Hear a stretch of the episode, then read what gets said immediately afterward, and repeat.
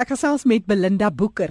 Belinda is 'n projekbestuurder by Petco en hulle werk met plastiekherwinning. Vertel my eers as 'n mens so praat van Petco, Belinda, dan verwys ons eintlik na 'n spesifieke bottel wat jy herwin of plastiek. Vertel ons wat is dit? Plastiekbottel, jou PET plastiekbottel is die bottel wat met die nommertjie 1 gemerk word. Dit is gewoonlik jou soos jou softdrinks, jou Coca-Cola en waterbottels en dit is die tipe plastiek is PET polyethylene terephthalate. En is dit ook 'n plastiek wat gewoonlik makliker herwin as ander? Jy weet oor dit 'n bottel is en is is 'n gewoonlik 'n pak wat mense mee rond ry. So hy't altyd jy het hom altyd by jou en dan is dit maklik om hulle laat hulle hom kan weggooi. So hy't meer 'n meer sigbare bottel om te herwin. So dit niks te doen met die materiaal nie. Die tipe materiaal is uh, polyethylene terephthalate. Dit is die tipe plastiek en hy word met die nommertjie 1 gemerk. Byvoorbeeld as jou melkbottel is is hoë high density en hy is jou nommer 2. So elke plastiek het 'n verskillende nommer, maar dit beteken nie uh, hoe binbaar hy is nie. Dit is maar net hoe hy geïdentifiseer word vir die tipe plastiek. As jy byvoorbeeld herwin en weer hierdie materiaal wil gebruik, word hy dan in hierdie groepe gegroepeer. Hy word in hierdie groepe gegroepeer, so hy hulle die plastieke kan nie saam geherwin word nie. Elke plastiek word apart geherwin hulle het 'n verskillende samestelling wat hulle opmaak. Nou Belinda, as ons praat van herwinning van plastiek en dis 'n onderwerp wat ons nie die eerste keer hier aanraak en duidelik ook nie die laaste keer nie. Wat sê jy vandag vir ons ten opsigte van plastiekherwinning? Daar's so baie van ons wat ons eintlik maar net nog nie steur daarin nie. Ja, weet jy, Petco was in 2005 gestig. In daai jaar het ons 9000 ton geherwin. Laas jaar in 2012 het ons meer as 50000 ton herwin. Met die herwinningsprosesse uh, wat ons subsidieer, het dit meer as 30000 informele werksgeleenthede geskep en ons subsidieer die herwinning van die plastiek met vrywillige heffings wat ons um, aandeelhouers vir ons gee en ons het 36 aandeelhouers in Petco. Dis beslis 'n volhoubare en 'n ekonomies vriendelike, nie net omgewingsvriendelike nie, ook ekonomies vriendelike bedryf. Absoluut, ja. Kyk, dit is enige mens wat wat nie werk het nie, as hulle vandag gaan 'n klomp bottels optel vanaand sal hulle nog hulle familie kan voer. Julle maak dit ook 'n bietjie makliker vir hierdie uh, mense wat versamel van hierdie materiale of dit nou plastiek of bottels is wat dit ook al is. Ja, kyk wat kyk wat ons doen. Ons um, help ook mense baie keer met uh, trollietjies of ons help hulle met die vervoer van plastiek van die pet, pet na die herwinners herwinners toe. Ons leer entrepreneurs, nuwe besigheidsmense ons leer hulle oor hoe om hulle besigheid te bestuur. Ja, en ons doen baie ehm um, bewusmaking van die ehm um, herwinbaarheid van PET. Belinda, ek is seker jy kan baie stories met ons deel. Maar as daar een stories wat jou vandag bybly, wat deel jy met ons van iemand wat van werkloosheid en hopeloosheid tot 'n wonderlike besigheidsmens ontwikkel het? Ja nee, jy sien daar's 'n klomp sulke stories. Ehm um, ek as ek nou aan een ouetjie dink, Ashira in daar by die Pretoria se se skougronde, hy het nie gewerk eh, gehad nie en toe het hy um, die bestuurder by die uh, munisipale kantore gaan altyd gaan uh, besoek. Toe sê die man vir my moet begin plastiek bymekaar maak. Toe begin hy plastiek bymekaar maak so om die skougronde en toe uh, het hy aan die uh, woonsale se deure gaan klop en hulle sê as hulle 'n partytjie het sal hy hulle woonsale vir hulle verniet kom skoonmaak dan kan hy die bottels kan vat.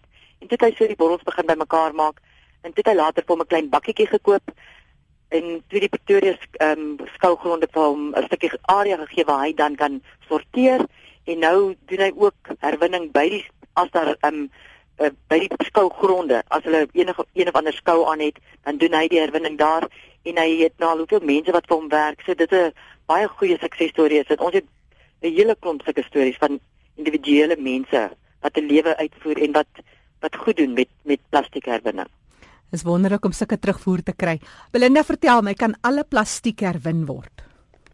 Ja, die meeste alle plastieke waarin kos verpak word, uh, kan herwin word. Op die oomblik in Suid-Afrika die die bakkies wat jy jou vrugte inkoop. Um, ons herwin dit nog nie, maar ons is besig om um uh, na internasionale te kyk wat hulle daar doen en dat ons dit ook in Suid-Afrika kan doen. Nou Belinda, as 'n mens praat van herwinning, uit die aard van die saak is dit om omgewingsvriendelike maniere en en praktyke toe te pas. Is dit regtig soveel makliker en soveel vriendeliker om daai materiale weer te smelt en jy weet om die proses aan die gang te kry? Hoe vergelyk dit teenoor die oorsprong van plastiek? kyk jy ons herwinning spaar jou ehm um, uh, rou materiale. Um, want uh, plastiek kom ons van olie af, van kool af in Suid-Afrika. En uh, ons deur 'n bottel te herwin en om weer in 'n bottel terug te sit, dan spaar jy die die ehm um, rou materiale in die grond vir vir toekomstige nasies. En ja, en dit is baie meer ehm um, dit het dit baie meer besparing om te herwin as om nuwe materiale te produseer, ja. Plastiek is natuurlik ook een van daai tydamaletjies as dit kom by die oplosbaarheid daarvan. Hoe maklik verteerbaar is dit in die natuur? Nee, um, dit sal 'n hele paar jaar daar moet lê om uh, in deur die natuur te verteer te word. Dis kom ons dit liewer herwin, um, want ons vat jou PT, ons is ons grootste uh, veselmark. So ons maak van dit van jou groen um, spruitbottel maak ons thermogreen um, wat insulasie is vir jou huis of jou uh, geyser en dan uh, ons maak hulle maak ook T-shirt materiaal, hulle maak winter uh, baadjies materiaal en dan ook weer terug in kos verpakking. Maar is interessant dat jy nou spesifiek verwys na die groen plastiekbottels. Hoe hoe word plastiek gekleur? Hulle hulle dis op met 'n pigment. Hulle sit 'n pigment in en dan kleur hom in die verskillende kleure. Maar natuurlik die beste om te herwin is jou ehm um, wit die, en jou blou bottel. Die deurskynendes. Ja, die deurskynende bottel, ja. Is plastiek vir herwinning en die in die proses baie anders as glas byvoorbeeld? Ja, kyk, um, ek het vandag 'n interessante storie gehoor. As jy 'n ton uh, glas herwin, kry jy 'n ton glas terug, maar met uh, plastiek het jy bietjie ehm um, jy verloor van dit. So met met plastiek is daar ook afvalstowwe, so jy verwin nie 100% van die hele plastiek nie. Ook, jy weet, die meeste van ons bottels word op die oomblik in stortgronde herwin. En dit is alles baie vuil en vol modder en goed. So daar's daar's baie keer baie uh, gedeelte van dit wat ons moet weggooi. Die hele ding van wat my fascineer is altyd hierdie plastiek, die doppies. Hoe herwinbaar is dit? Uh, 100%, 100% herwinbaar. Dis net 'n ander tipe plastiek.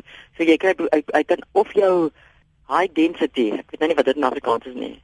Mm. High density um polyethylene of dis jou polyprop. So hy's een van daai twee materiale en hy's 100% herwinbaar.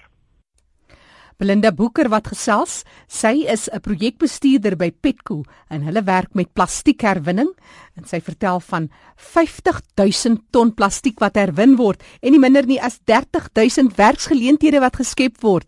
Maar Belinda, die beste deel hiervan is dat hoe meer ons hieroor praat, hoe groter die bewusmaking, hoe meer herwin ons en hoe meer werksgeleenthede. Dis 'n wonderlike kettingreaksie. En die herwinning van bottels groei van dag tot dag. Op die oomblik herwin ons 'n miljoen bottels per dag. Um, en in 2012 het ons 193 miljoen bottels herwin. So daar's 'n duidelike groei in julle grafiek. Ja, daar's 'n duidelike groei, ja. En en ook al die munisipaliteite is is nou ehm um, kyk dit is mos nou wet dat hulle moet herwin en baie van die munisipaliteite raak nou betrokke die om herwinning by huis by huishoudings te begin. Ek dink dit is die groot ding as as elke huishouding kan herwin of as hulle kan gaan aflaai iewers waar dit herwin kan word, dan doen ons almal 'n bietjie iets vir die um, natuur. Ag goeie dit seker ook net in 'n ekstra ander plastiek sak en sit dit langs aan jou vullisdrom. Dit help al ja, klaar ja, vir die mense. Ja, dat ook iets kan kom optel, ja. Mm. Dis Belinda Boeker wat gesels, sy's projekbestuurder by Petco. Hulle werk met plastiekherwinning. Geef ons julle webtuiste Belinda. Reg, dis uh www petco p e. Belinda, so aan die einde van die jaar gaan julle omtrent plastiekherwinning bespreek op 'n globale vlak, maar dit in die moederstad. Vertel ons gou-gou 'n bietjie meer. Ja, dit is die Europese Assosiasie van Plastiekherwinning en ehm um, organisasies en dit is die eerste keer in Suid-Afrika wat hulle 'n uh, 'n uh, vergadering hier gaan hou en en dit gaan in die Kaap wees, ja. En dit gaan wees op die 20ste November hierdie jaar. En mense kan bietjie gaan kyk op julle webtuiste vir inligting en so. Hulle kan gaan kyk ja in in dit sal ons het ek dink ons het ons het omtrent 16 internasionale ehm um, sprekers wat ons gaan toespreek. Maar Suid-Afrika doen seker heel goed Belinda ten opsigte van hierdie tipe herwinning. Weet weet jy ons is um, een van die bestes in die wêreld. Die verskil van Suid-Afrika is dat ons alles wat ons in Suid-Afrika uh, kollekteer word in Suid-Afrika geherwin en werkskepping in Suid-Afrika en die produkte word weer in Suid-Afrika verkoop. Soos met ander lande oor see, het hulle dalk uh, meer um huishoudelike herwinning uh, projekte, maar hulle uit, hulle voer baie keer van hulle plastiek en sulke goed na uh, China toe. En in Suid-Afrika word alles in Suid-Afrika geproseseer en hierso in dit bly hierso. Dit maak ook nog die koolstofvoetspore bietjie ja, ligter ja. nie. Dis reg, ja. Belinda Boeker wat gesels het van Petco, sy's projekbestuurder. Net gou weer hy webtuiste, dis www.petco, dis P E T C O.co.za.